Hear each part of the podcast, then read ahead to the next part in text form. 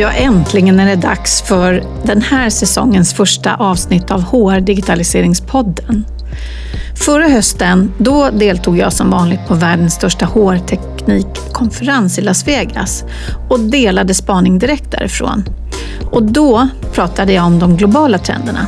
Nu börjar jag istället höstsäsongen med en spaning på HR-tekniktrenderna i Sverige. Där jag ser att vissa av de globala trenderna jag pratade om för ett år sedan nu har nått hit. Till min hjälp i denna spaning har jag fått proffsbesök av Tommy Kau som både ger sin egen syn på vissa av frågorna, men framför allt så ställer han frågor till mig. Och föga förvånande är det, en av de sex trenderna jag pratar om är digitalt samarbete. Där har det pratats om nu att vi har tagit ett femårsskutt under våren.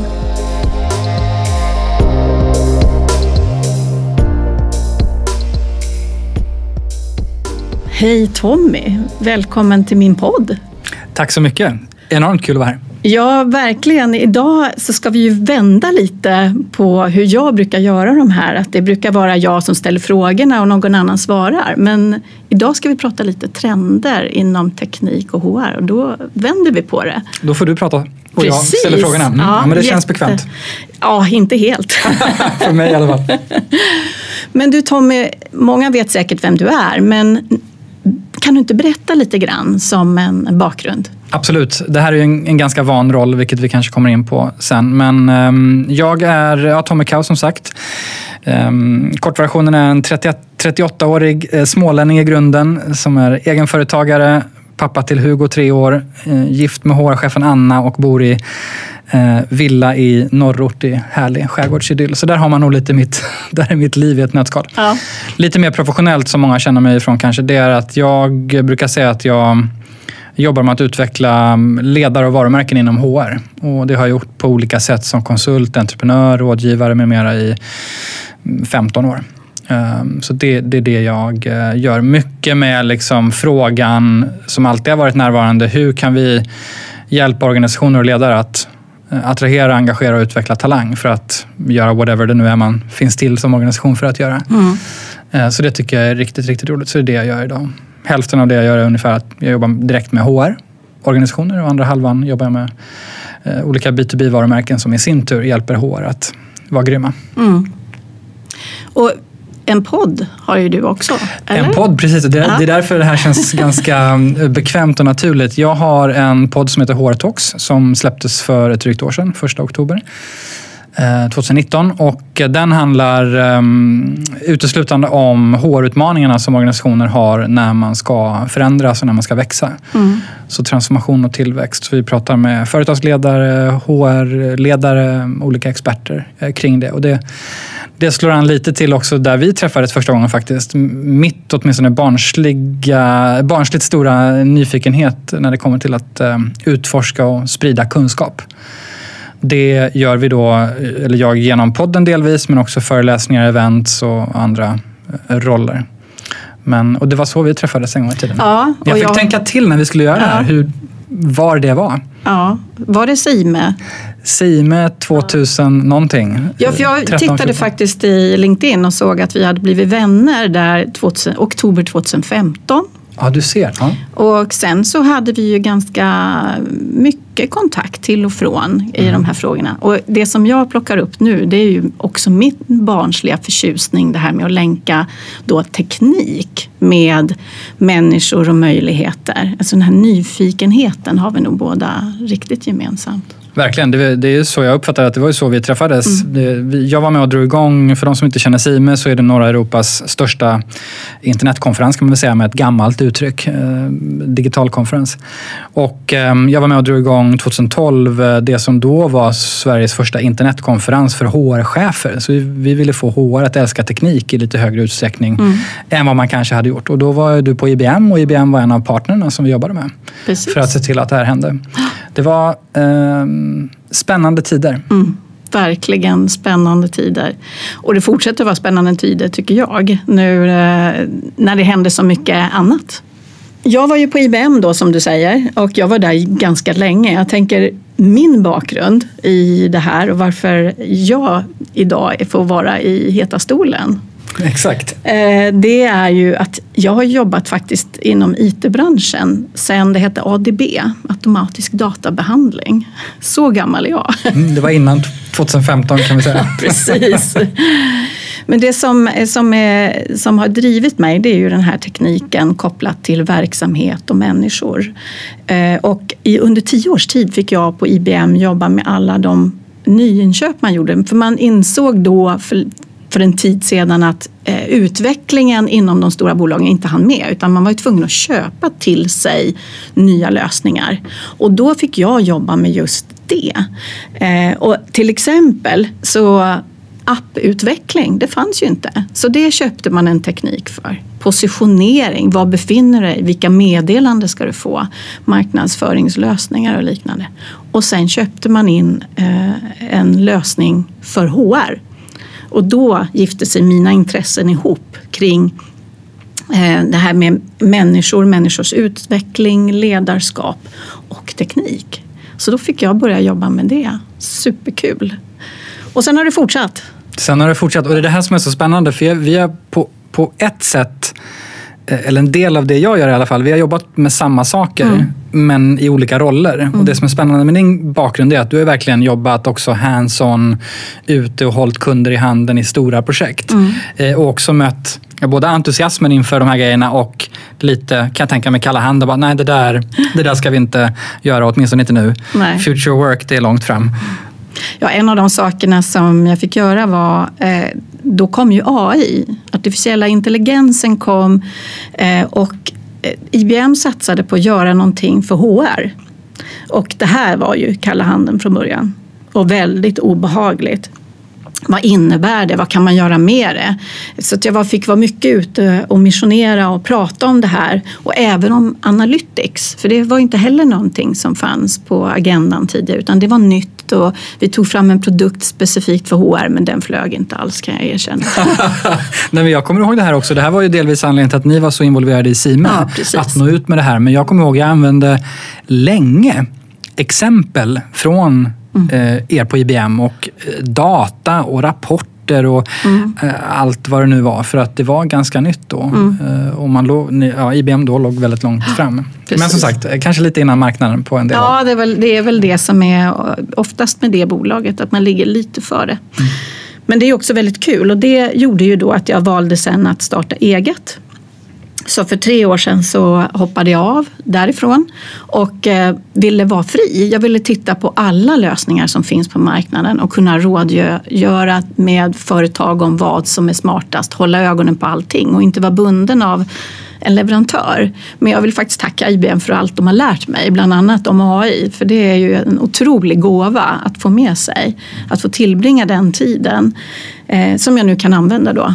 Och precis som du, det här med att sprida information och utbilda. Det är det jag också vill göra med podden. Eh, att kunna berätta om saker och ta bort den här rädslan och få människor att våga prova. Mm, vilket ju extremt mycket handlar om. Och en del av de grejerna du tar upp nu tänker jag är liksom att det, det är nu vi är i den tiden där folk också tar emot det som AI exempelvis och andra mm. Eh, grejer som vi ska prata om nu. Ja, eh, precis. Ja. Men det är väldigt kul i alla fall att få göra det här och det vi ska göra, om jag nu tar över lite facklan, så är det ju att prata om lite State of the Union. Var befinner vi oss nu mitt i covid-pandemin kring HRs digitalisering? Mm. Och du då, precis som du beskrev, du har varit med eh, ett tag inom de här frågorna. Vad ser du Eh, för verklighet där ute nu? Nu har vi levt ett antal år med ganska kraftig digitalisering och sex månader med en extrem digitalisering inom det här vi pratar om, eller delvis i alla fall. Ja, jag kan säga att kraftig digitalisering, om vi, vi ska ju hålla oss inom HR-området och personalfrågor och ledarskap så säger jag att det har skett en kraftig digitalisering men väldigt mycket på bassidan, alltså på information och processhantering. Och inte så, fortfarande så har det inte hänt så mycket på att verkligen ta klivet och göra nya saker. Men det som den här våren har inneburit det är ju att man blivit kastad in i att vara tvungen att göra saker annorlunda. Vilket har påskyndat processen. Så det, och jag tror att många av motstånden till digitalisering kring eh, människorna i bolaget har handlat om ledning och chefer som inte riktigt klarar att ta sig till sig det här och vågar liksom, ja men vi ska göra någonting nytt. Mm. Men nu har man ju varit tvungen och då har man sett, ah, det funkar ju. Det, det här går ju. Ja, jag kan ju faktiskt leda människor på distans och det, de behöver inte vara på kontoret. Men då kommer det ju nya saker då som är utmaningar. Ja, men eh, både utifrån att eh, då kanske företag tar den lätta vägen. Ja, kanske inte kost, ska behöva kosta så mycket att ha personal. Och sen så har vi utmaningar kring säkerhet, teknikval, lösningar som man använder. Så mm. Arbetsmiljö tänker jag också. Arbetsmiljö, Alla de här frågorna ja. som Precis. delvis lite pausades i våras för att mm. alla behövde bara ställa om. Men, men det kommer ju komma nu när den här podden har släppts så hösten. Då är ju folk tillbaka i något nytt Eh, på något nytt sätt att se mm. verkligheten. Ja, plus att man nog börjar se de negativa konsekvenserna av både säkerhetshålen och, um, och arbetsmiljön som man måste ta tag i. Det är ju, ja. det är ett arbetsgivaransvar att det ändrar det. Precis. Um, mm. Men det jag tänker på när du beskriver läget är ju lite att det vi upplever är verkligen en, en blessing and a curse. Ja. Um, men fler och fler, om man bortser från den katastrofala kommersiella och ekonomiska skadan eh, och folks liv såklart, så, så det, det mest en blessing, åtminstone kring mycket det vi har pratat om mm. och jobbat med de senaste åren. Att nu händer det. Eh, sen kan man fråga sig om det händer för fort. Um. Jag tror att eh, många kommer behöva se över sin, sin plan. Eh, att man har haft kanske någonting kring digitalisering. Man har inte tagit det, eh, vad behöver vi åstadkomma? Man har inte lyckats få igenom det på företagen. Men nu kan man nog ta ett omtag och, och använda möjligheten om man klarar av det. Att försöka tänka nytt och göra nytt. Mm. Och förstå sig på det här. Men man behöver ju också ta sig en funderare på vad är det vi behöver göra. Ja, verkligen.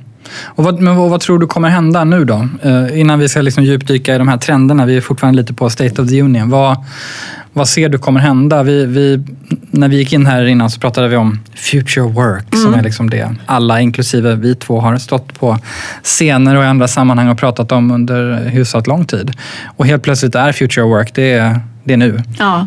Precis. Och det finns ju eh, några som börjar prata om the now work som är det är nu. Det är verkligheten som vi äntligen har börjat se här och nu. Så vi inte ska prata om future work. Sen kan man ju prata om future work som det verkligen digitala, det vill säga AI och chip och eh, VR som inte riktigt har börjat användas än. Alltså den, den mer avancerade tekniken. Mm. Men vi har ju en verklighet nu som vi behöver ta ställning till. Och mitt medskick är HR, ta ansvar. Mm.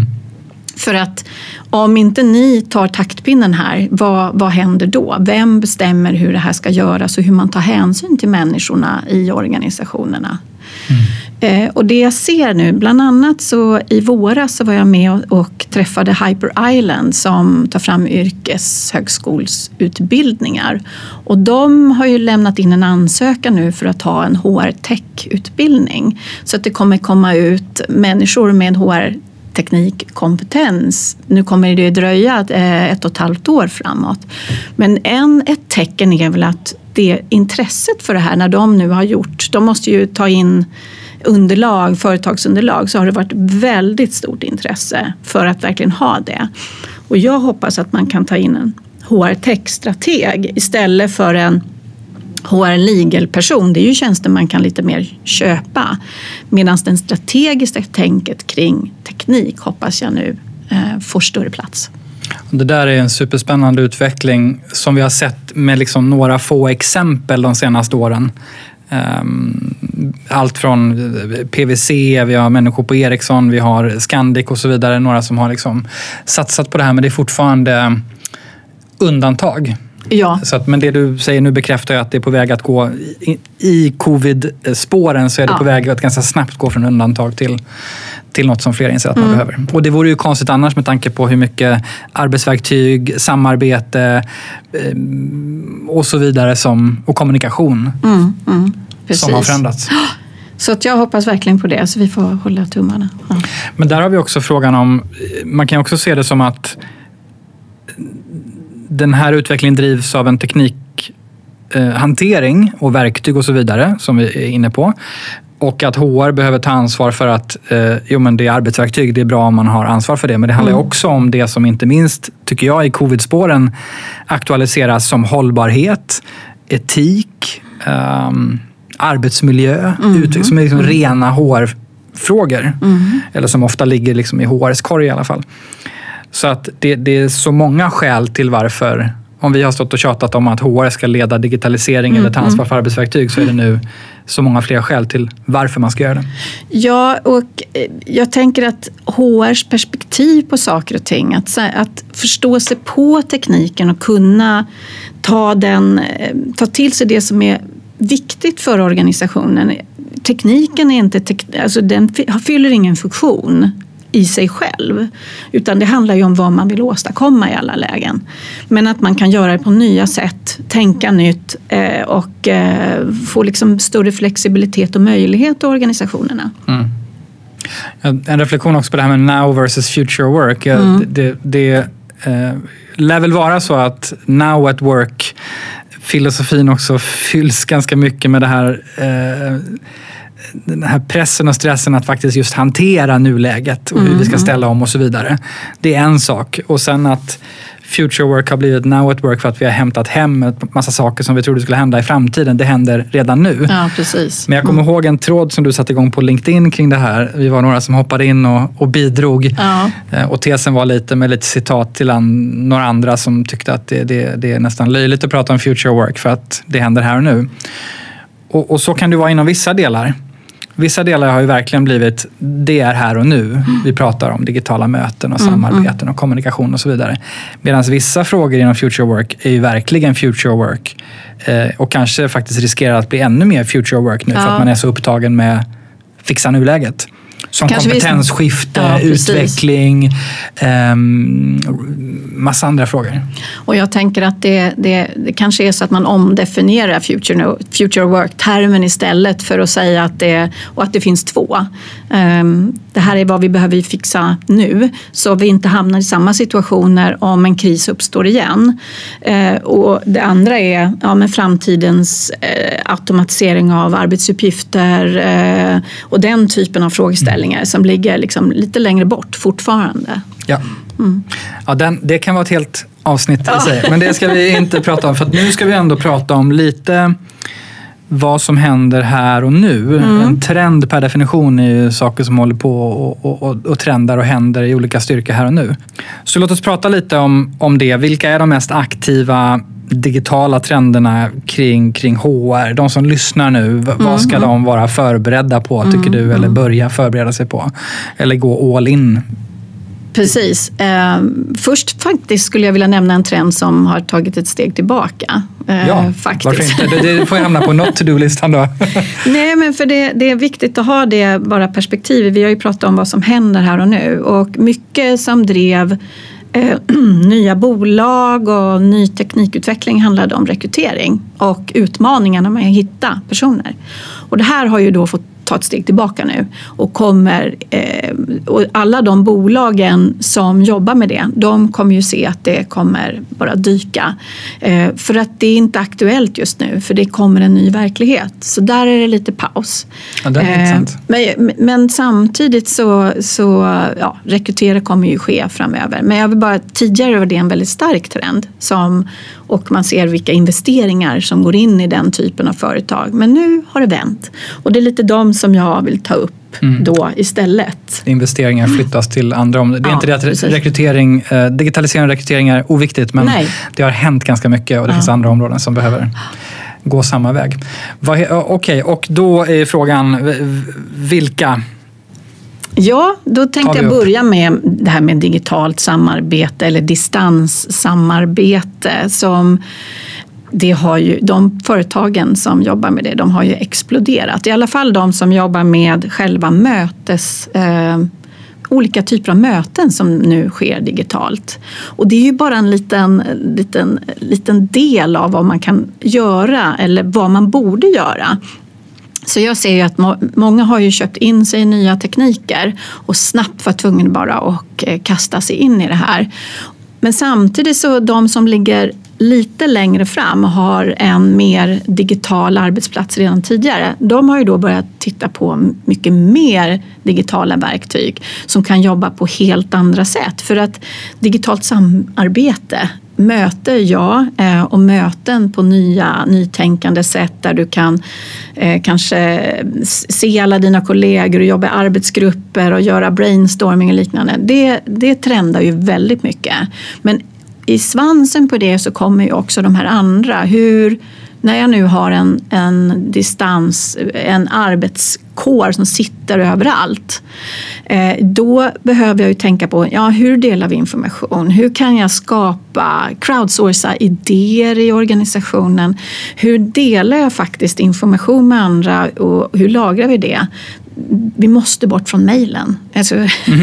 ja, jag är ledsen, men det har inte hänt något på de, de, år jag har jobbat så har det fortfarande så är det mejlen som är så viktig. Men det går inte. Det, det, funkar ju inte i en sån arbetsmiljö. Det fungerar i, i, när man sitter på kontor och kan samarbeta och diskutera. Men sitter du ute där då behöver du andra nya eh, sätt att lagra information, dela information, aktivera sig, eh, idéhantering och liknande. Och det finns otroligt många som har bara suttit och väntat på att leverera. Så det är en mm. stark trend eller verklighet. Vi kan väl ja, precis. balansera ja, det, det. En, en del av det är definitivt en, en verklighet som, som ingen eh, kan, trender kan man avfärda, men ja. den här kan man inte avfärda för Nej. det är liksom verklighet för, för majoriteten av, av eh, bolag runt om i världen.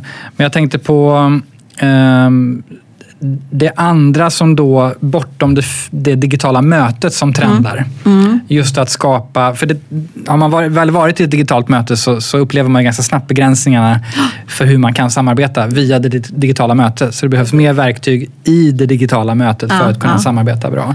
Men också det du var inne på, eh, när man tar bort att man ska gå till kontoret för att ha möten, då blir mm. också internt versus externt en, en vi har ju säkerhet såklart ja, och så, men ja, det, det, blir det mer av en icke-fråga. Mm. Ehm, du behöver inte fundera på oj vad lång tid det tar att resa ut till Kista för att ha ett möte, mm. för att ingen reser till Kista för det mötet.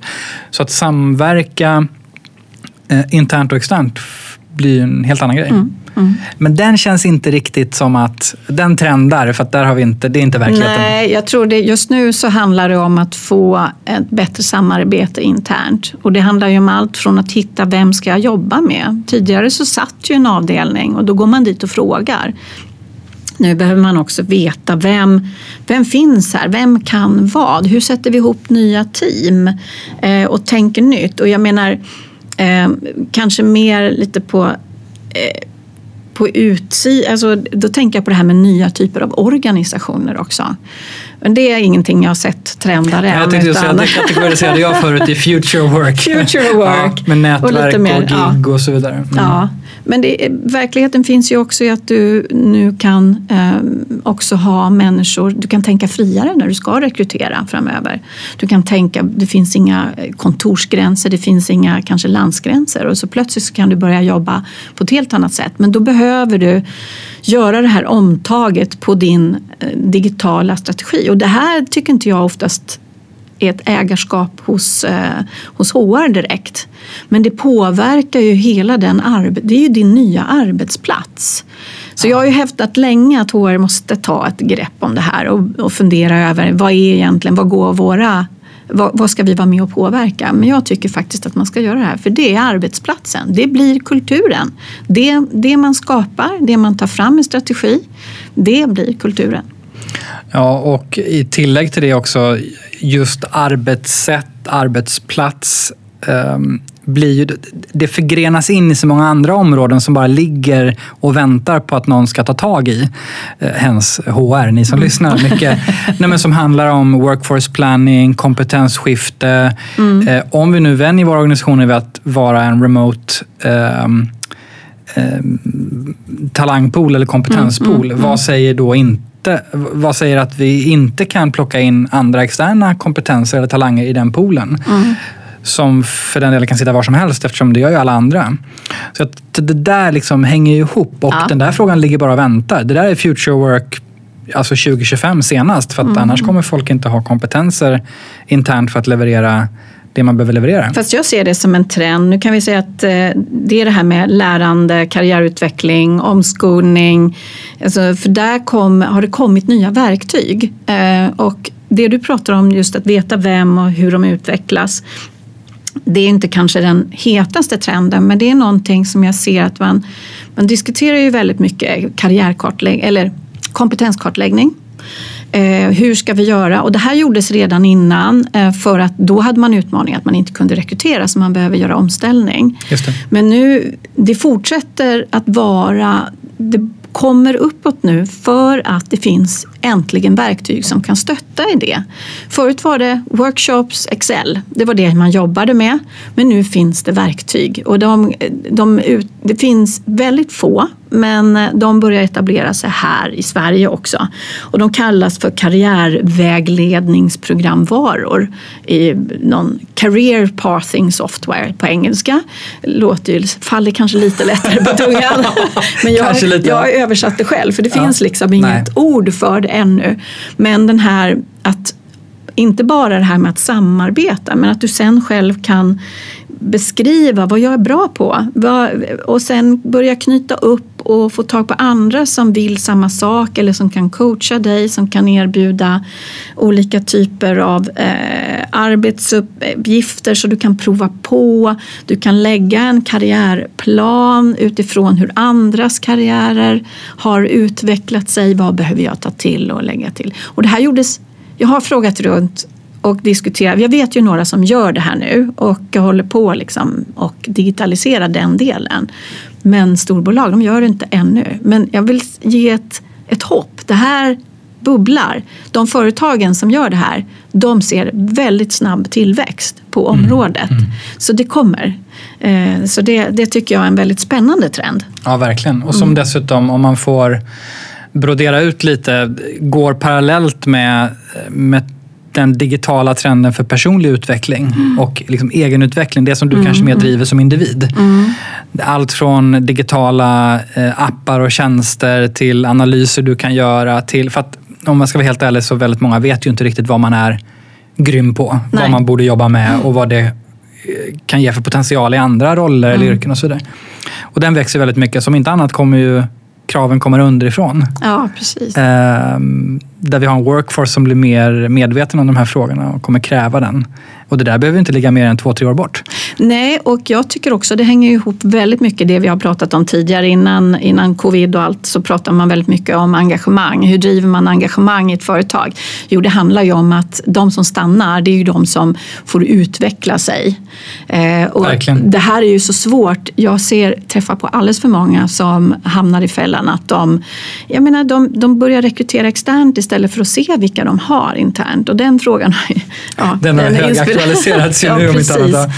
Nu måste du ju också ta tillvara på de här människorna som Alltså, alltså du, om du gör en omställning eller uppsägningar då måste du också kunna plocka tillbaks dem. Så det finns, och där har några av de här bolagen som nya, nya verktyg också plockat på den trenden. Så mm. det är en äh, jättespännande område som kommer kunna ge förhoppningsvis väldigt mycket för alla i framtiden, anställda som bolagen.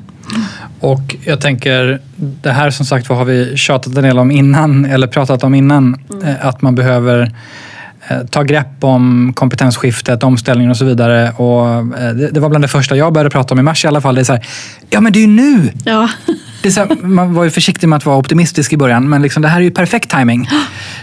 Problemet är att extremt många som klev in i mars mm. visste ju inte vilka kompetenser man kommer behöva. Nej. Eller, eh, och inte minst vilka medarbetare internt som har de kompetenserna eller inte. Men där liksom finns det nu utrymme för en ja. extra push. Mm. Okej, då, då har vi kommit in på andra trenden ja, per precis. automatik. Ja. Tredje trenden? Ja, då är det eh, Employee Experience som fortfarande är väldigt aktuellt och det är många företag som nu börjar se över hur speglar vi, eh, det, det hänger ju ihop de här trenderna, hur speglar vi vårt varumärke och hur vi, vad vi gör på vår interna miljö. Och här pratar vi ju mer om stödsystemen, inte det här med samarbete utan mer hur upplever jag min, eh, min, mitt, mitt, eh, min relation med min arbetsgivare? Är den, om jag är ett eh, modernt spännande företag, finns det då moderna spännande sätt att kommunicera med det företaget? Eller är det väldigt traditionellt och väldigt olika processer, ligger i olika, på olika platser, det är svårt att hitta. Och nu, det som händer nu är att man tittar på ja, men det här med employee experience. För det första så är det ju inte bara HRs processer utan man måste se utanför det. Man måste se på processer generellt. Eh, och det är olika som gör detta och det hänger ju lite ihop med eh, tekniken AI och bottar och möjligheter att kunna liksom, automatisera saker så man kan knyta ihop och skapa miljöer. Men också att man ser eh, nu ett ekonomiskt värde. Man kan räkna ut eh, vad har det här för påverkan på resultatet på företaget. Och om vi ska kunna behålla våra anställda, motivera och engagera det är så mycket pengar som ligger i det. Så då måste vi ha en miljö som motsvarar det vi står för. Och det är ju fler ungdomar, alltså vi pratar ju om de här olika generationerna och det här blir bara mer och mer viktigt. Jag tycker det där är ett så intressant område och inte minst, jag kommer ihåg att Forbes utsåg 2017 till the year of the employee experience. Aha. Då var det första ja. gången som det så att säga slogs upp eh, så liksom starkt och tydligt och så vidare. Och, så, eh, ja, och det där har ju då liksom, um, vunnit mer och mer kraft såklart, även om det på någon form av total eh, aggregerad makronivå har gått ganska segt, får man väl säga. Men parallellt så har ju teknikutvecklingen gått väldigt fort. Mm. Exponentiellt. Och sen mm. kom corona. Så nu har vi verkligen möjligheterna precis som du är inne på, med olika stöd att faktiskt ta sig an den här frågan. Men då tänker jag lite så här, utifrån employer branding, attraktion och så vidare så är det precis det här som man vill kunna prata om. Mm. Eh, och det är ofta HR som driver åtminstone en del av de grejerna. Plus att HR är egentligen eh, väldigt duktiga på att särskåda saker. Bryta ner saker och ting i detalj. Processer, steg, checklistor. Mm, mm. Eh, hur saker och ting funkar. Beteendevetenskap och så vidare. Så det vore ju, mm, om inte den yrkeskåren skulle kunna ta på sig rollen att åka ut lite i helikoptern och titta på helheten och sen mm. zooma ner och bryta ner alla delar. För det är inte bara HR-processerna som du säger. Men man är väldigt duktig på det inom sitt område.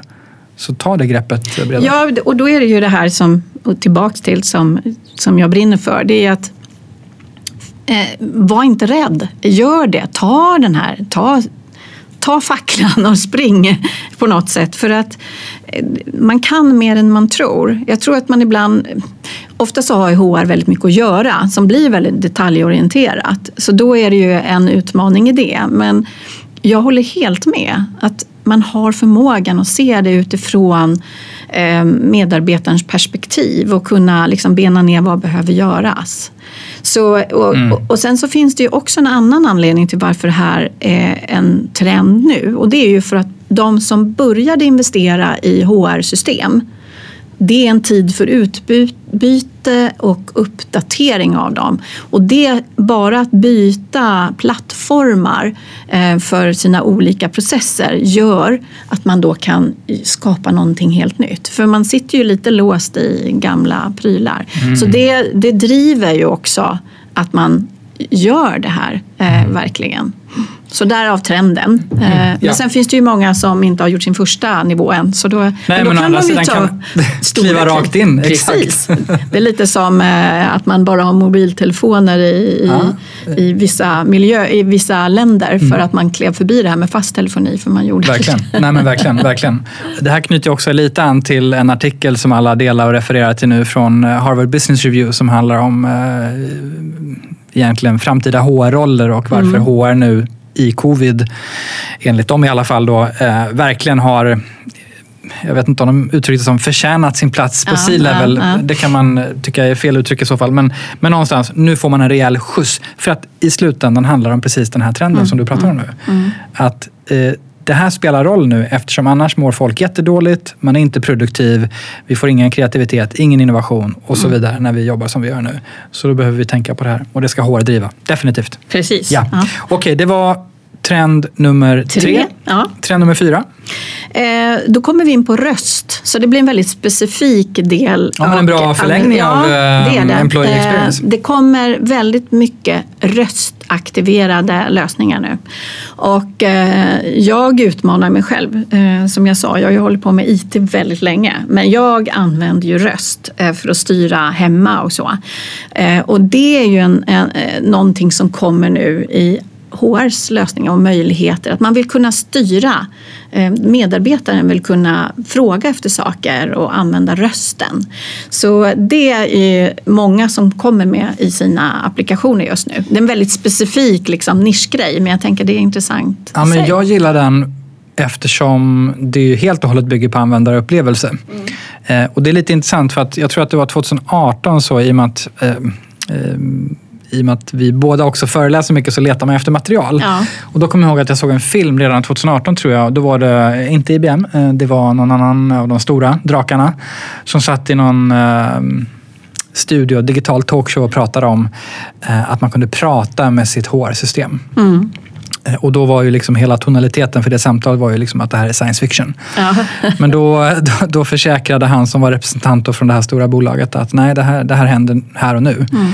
Utmaningen kan man väl säga det är att de som får de här featurerna inkluderade i sina licenser, mm. Eh, det är ju långt ifrån alla. Ehm, och att det tar ganska lång tid att rulla ut en sån ja. där Precis. Grej. Men upplever du att vi är där nu då? Att... Nej, det är ju ett bolag. Det, det är en början på en trend. Eh, men det är ju så att många använder det till vardags nu. Och det är ju en push eh, från eh, från gräsrötterna. Ja, från då. individerna, ja, människorna, konsumenterna. För att jag upplever själv hur skönt det är att man, man håller på med sina tummar på den där telefonen på något sätt och skriver så snabbt man kan. Men att slippa det och ställa frågor istället är otroligt mycket mer effektivt. Alltså det är mycket skönare och det sparar kroppen på något sätt. Så att eh, de som börjar använda det, de går ju över på det. Mm. Men det är en, då måste du först ha börjat med att ha en bas och du måste ha ett modernt system och du måste sen kunna aktivera det. Och dokumentera all information ja. så att du kan trycka in det i ja i verktyget. Ja, när jag lärde mig det där själv när jag var pappaledig. Mm. Eh, de har varit tvungna att... Man har inga händer fria. Man har inga händer fria, exakt så. Eh, och det, ja, men det går ju liksom okej. Okay. Mm. Nu var det mm. två år sedan. Men, mm. Så den och, och, den låter ju som att den kan slå igenom, om man tänker bortom Siri och Google-sökningar så är det ju admin för medarbetare såklart, mm. men också chefer. Mm. Eh, att liksom underlätta. Det, man kan ju till exempel sitta och, och göra andra, alltså beror på var man befinner sig, men man kan ha händerna och göra någonting annat medan man ställer frågor utföra aktiviteter, kanske sådana här vanliga, läs upp eh, vilka godkännande jag måste göra eh, på min personal. Om det är utläggsgodkännande, ja, ja men jag godkänner. Så kan man få hela det att fungera via röst. Så det är en trend. Ja. Kanske inte så mogen här ännu, det kanske är lite mer Ja, men man är alltid också beroende av vad är det för språkstöd och så ja. vidare. Så det är klart att, och det är väl generellt. Jag vet att du åker mycket till, till USA och går på konferenser i de här området och det är ju, det är ju två olika marknader. Mm. Men jag har också fått lära mig eh, mer om att förståelsen för språket, att det språk är ju bara en form. Det är inte, det är inte ett språk, datorn förstår inte språket så det handlar bara om att eh, vilja lära upp och eh, fånga nyckelord och liknande. Så mm. att eh, det går med häst, alltså det går snabbt framåt. Mm. mm. Okej, spännande. Det här leder nog ganska eh, lätt in på nästa trend, eh, ledarskapet. Ja, det här, nu, eh, det här är en otroligt spännande område som, som jag såg i USA först och som nu är här. Eh, och jag vill verkligen lyfta, nu, nu har ju det blivit också väldigt viktigt. Vad har vi för typ av ledare? Du måste vara en annan typ av ledare när du leder på distans. För att det räcker inte att komma in i rummet och se lite ser lite tuff ut. tuff eller entusiastisk och inspirerande och så vidare. Det går liksom inte. Nej, nej det, det finns ju olika typer. Ja, Utan ja. nu handlar det verkligen om att kunna nå, nå igenom till varje individ. Och du måste vara mer empatisk. Eh, det, det, är en helt annan typ av ledarskap. Så hur lär man sig det nu?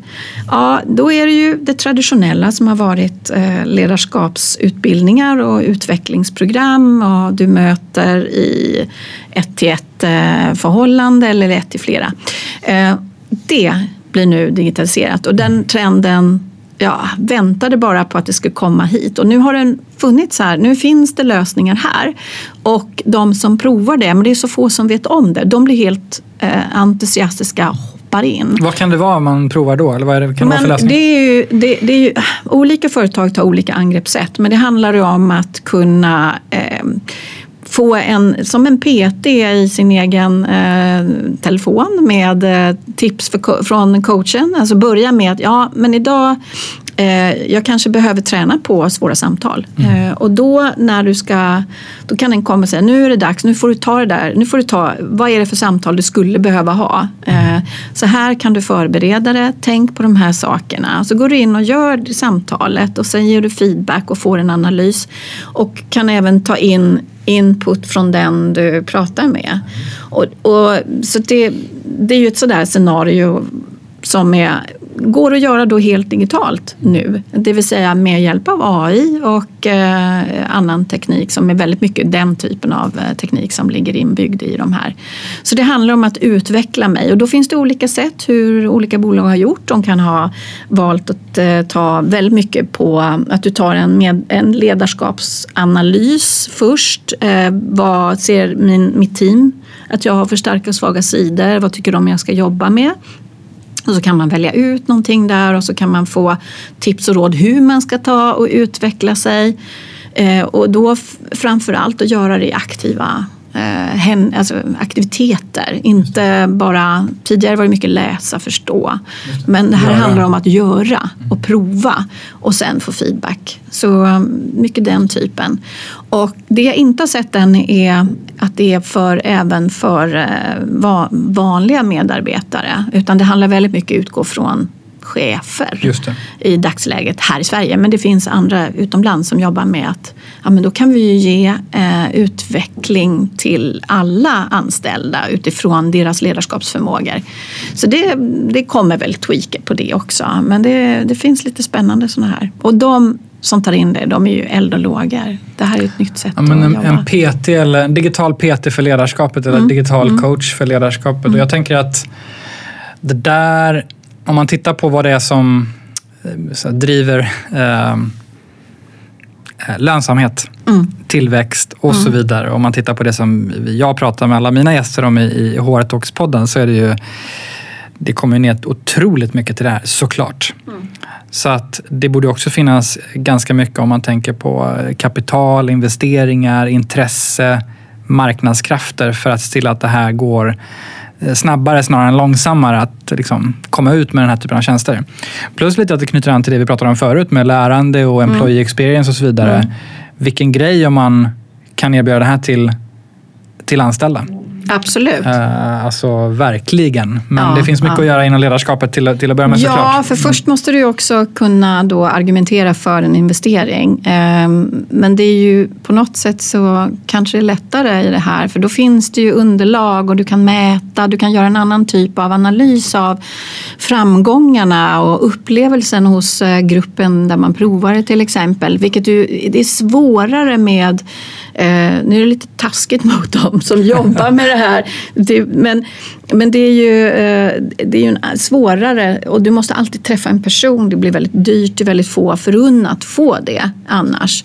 Nu kan du ju hitta liksom, eh, verkligen att du kan få lönsamhet och förbättrat engagemang från individer som driver lönsamheten. Mm, och det är skalbart. Och jag tänker mm. också att i, eh, om man ska vara krass då, så mm. i, idag så investeras det redan en del pengar i ledarskapet. Mm. Mm. Alltså det har redan en budgetpost mm. eh, knutet till sig och det är inte alltid det är lika utbrett i liksom den större medarbetargruppen. Så. Sen tänker jag också att det finns ju de som gör det här från scratch mm. Eh, och kommer helt nya på mm. marknaden mm. med en position. Och sen finns det ju de som har jobbat med medarbetarundersökningar yeah. och hela den kakan som ju eh, säkerligen då ganska snabbt förgrenar ut till det här. Där mer och mer har ju blivit, du kan se i telefonen, det är mer självhjälpt och så vidare och mer mm. mm. tolkning och analys.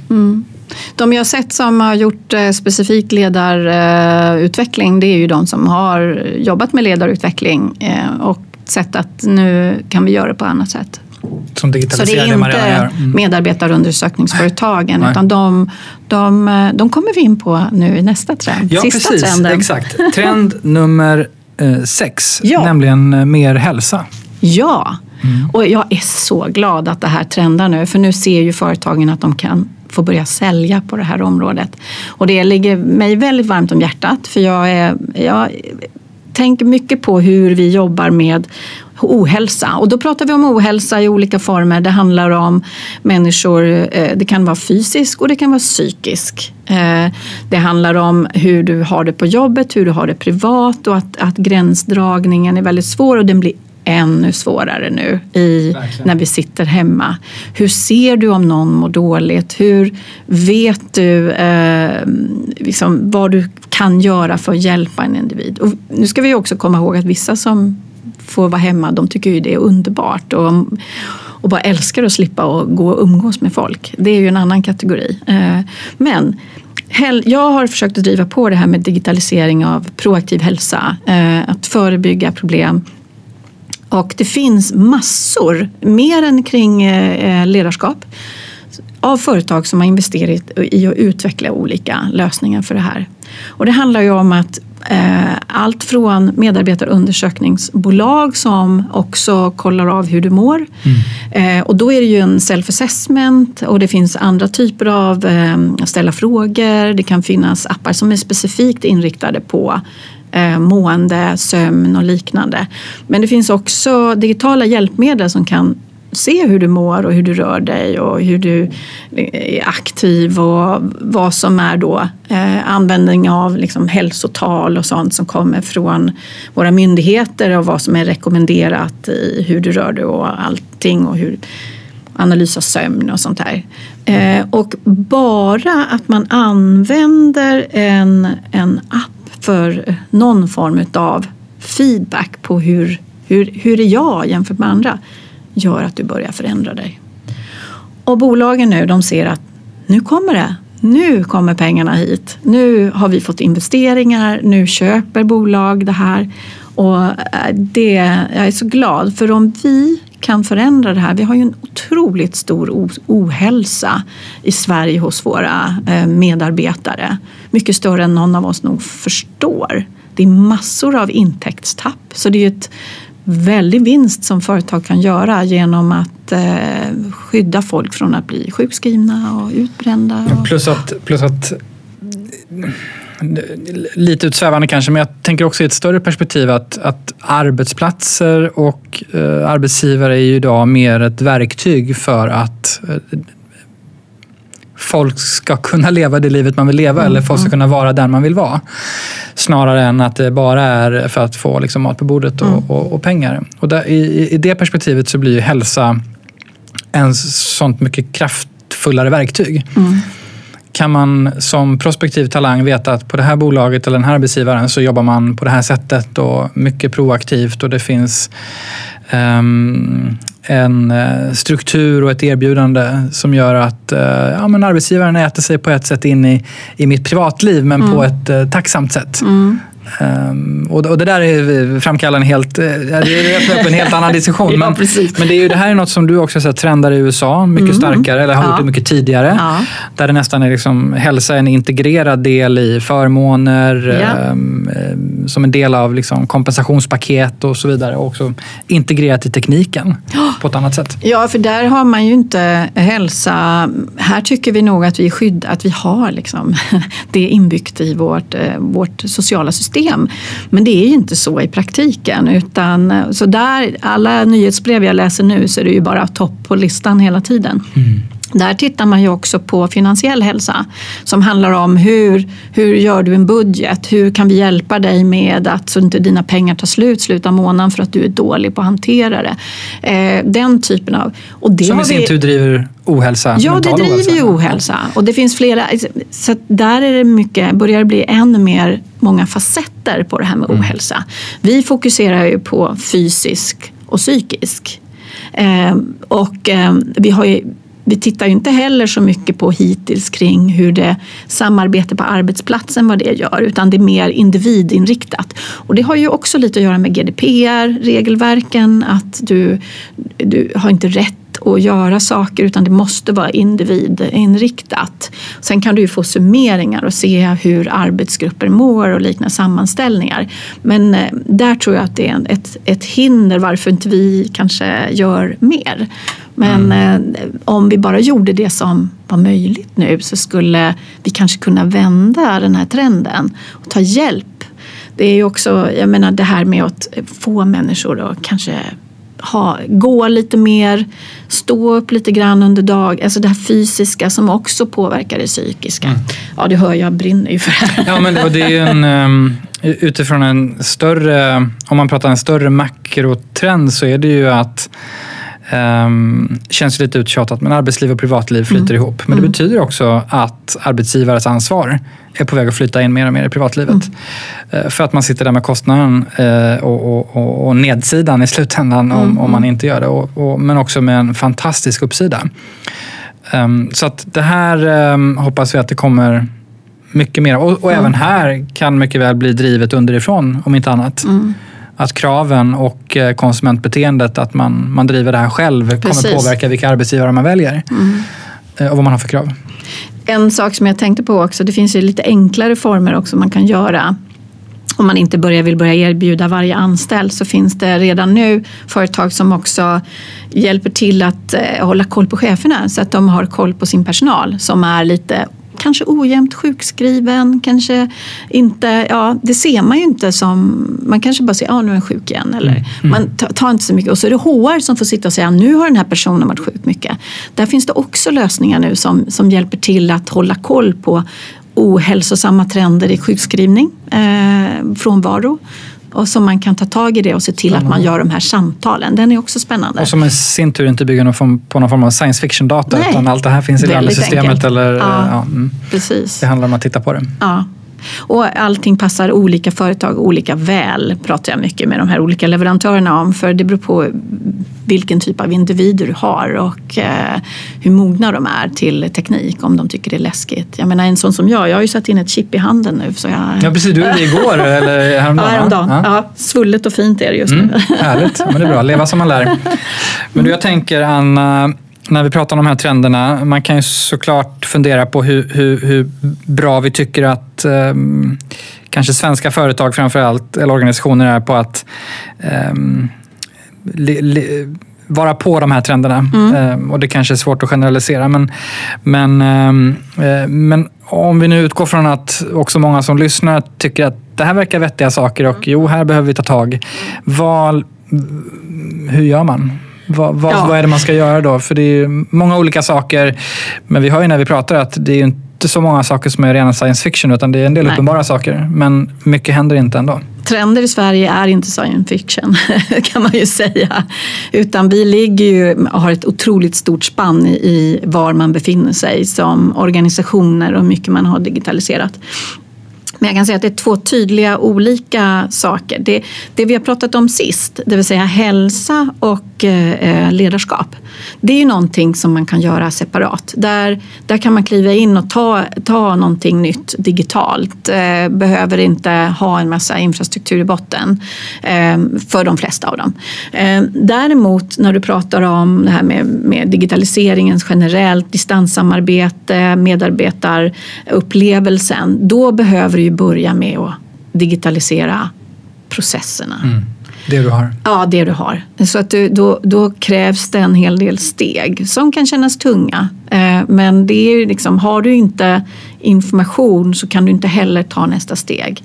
Så, så det är ett återkommande tjat. Börja, gör basen så att du sen kan ta dig vidare och faktiskt skjuta in dig på de där sakerna som är viktiga för ert företag. Mm det kanske inte är någon av de här trenderna, kanske är rekrytering, kanske är något helt annat. Men basen måste finnas där. Och det är väldigt få saker du kan göra utan att ha den där basen. Och vad är det som hindrar när du är ute och träffar eh, en del av de som lyssnar och andra kunder och så vidare? Vad är det som är de riktiga liksom, roadblockers för att ta tag i den? Ehm, förmågan att kunna argumentera för värdet. Det, är ju ett, eh, det har alltid varit lika svårt att eh, kunna artikulera ett värde för en investering som egentligen är som ett Ja, man vet att man måste ha en elcentral. Man vet att man måste ha liksom, eh, ja, golv och väggar. Men, Dörrsystem. Men det är liksom inte, vad ger, det ger ju ingenting till verksamheten. Det är ju först i nästa steg. Så den förmågan då att kunna argumentera och ha ett business case för det här. Men det, det kommer ju mycket nu. Om man tittar utifrån employee experience så kan du göra en hel del um, uträkningar. Det finns modeller som du kan räkna på för att ta fram uh, underlag. Sen om det inte används i slutändan, men då har man i alla fall fått upp dialogen. Men det är förmågan att kunna argumentera för uh, ett framtida värde. Mm. Ja, det är det som är hindret. Mm. Inte viljan, men det är mer orken då att eh, mm. ta sig igenom orken det här. och tiden det kanske. Och, mm. och att det här i en del fall kanske för en del är att uppfinna hjulet lite för man kanske inte har det mm. eller behövt haft det i samma utsträckning. Eller så har man, ja men vi klarar oss lite med det vi har men vi har glapp och de hanterar vi däremellan med Excel oftast.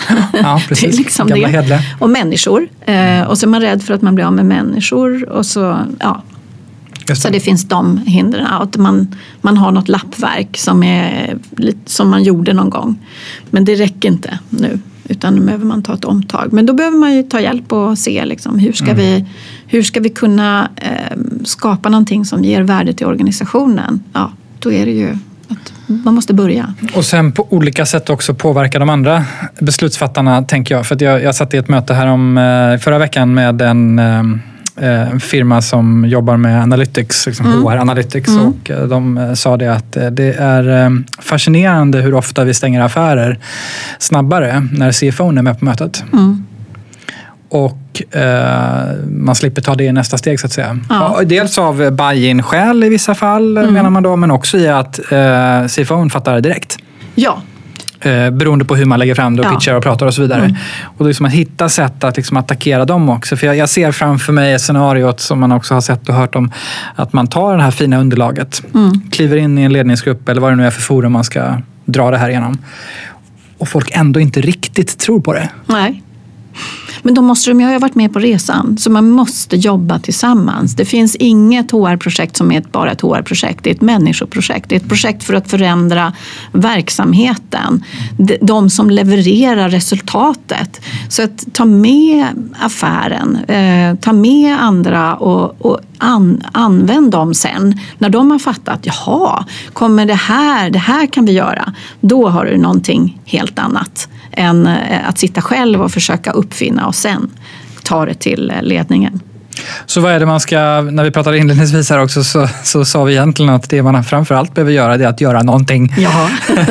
Men vad är det första man liksom, borde man eh, plöja material, leta, nu finns det fler case, det finns fler mm, referenspunkter, det finns mer in, generellt för att rulla igång den här snöbollen jämfört med för bara fem år sedan. Men... Ja, ja. Så det, det är ju man kan välja att läsa på själv. Det är ju bra om man har en, en basförmåga. Man kan ju ligga, lyssna på min podd. Då lär man sig en hel Jajamän. del olika saker och man kan be om saker som saknas i den om man vill att jag ska ta upp något specifikt.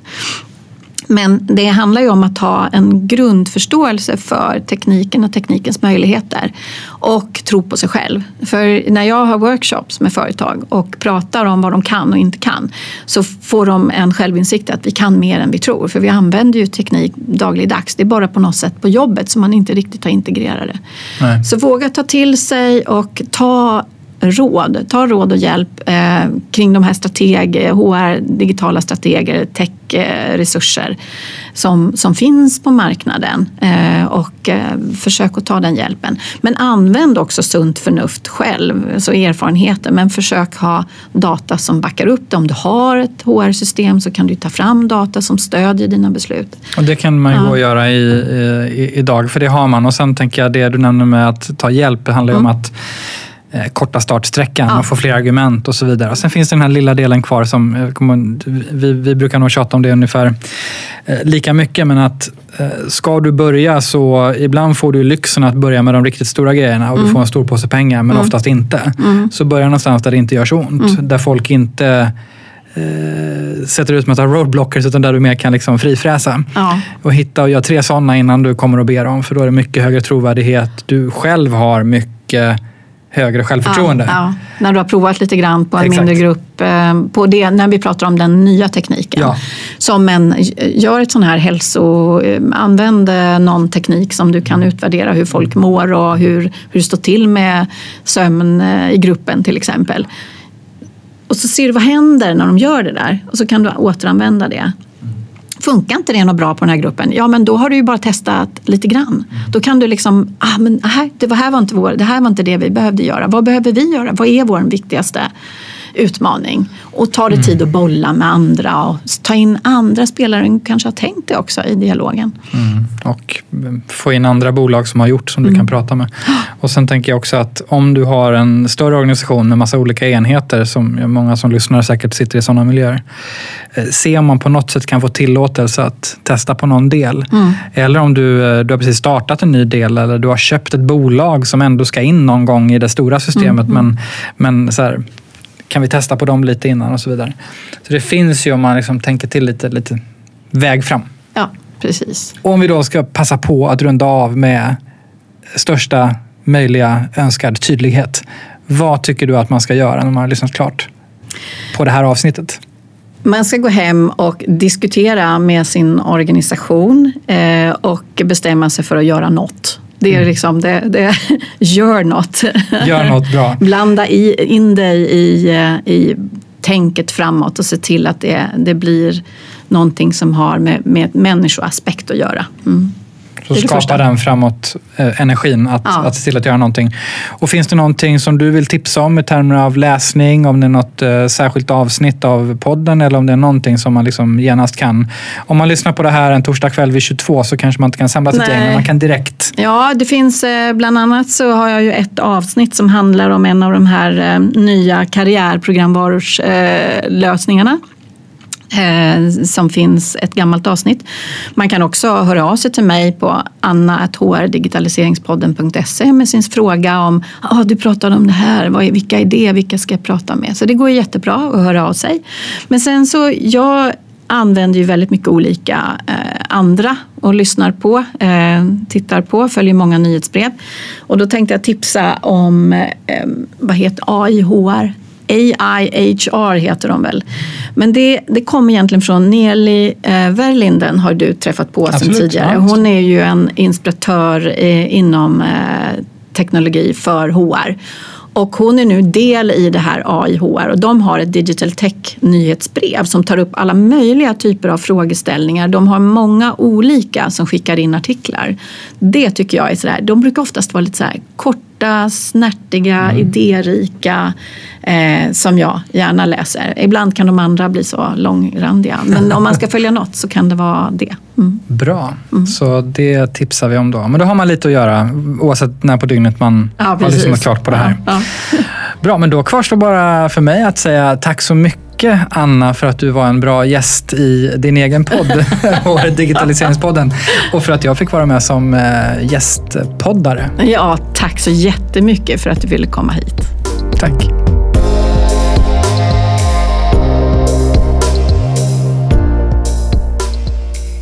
Vad kul att du ville lyssna på det här avsnittet av HR Digitaliseringspodden. Jag som driver podden heter Anna Karlsson och till vardags så jobbar jag som projektledare, konsult och inspiratör på området HR-digitalisering. Hör gärna av dig till mig genom att hitta mig på LinkedIn eller mejla på anna.hrdigitaliseringspodden.se. Då kan du ge tips och feedback på innehållet eller så vill du ha min hjälp att till exempel digitalisera din verksamhet lite snabbare och kanske lite smartare. Vi hörs!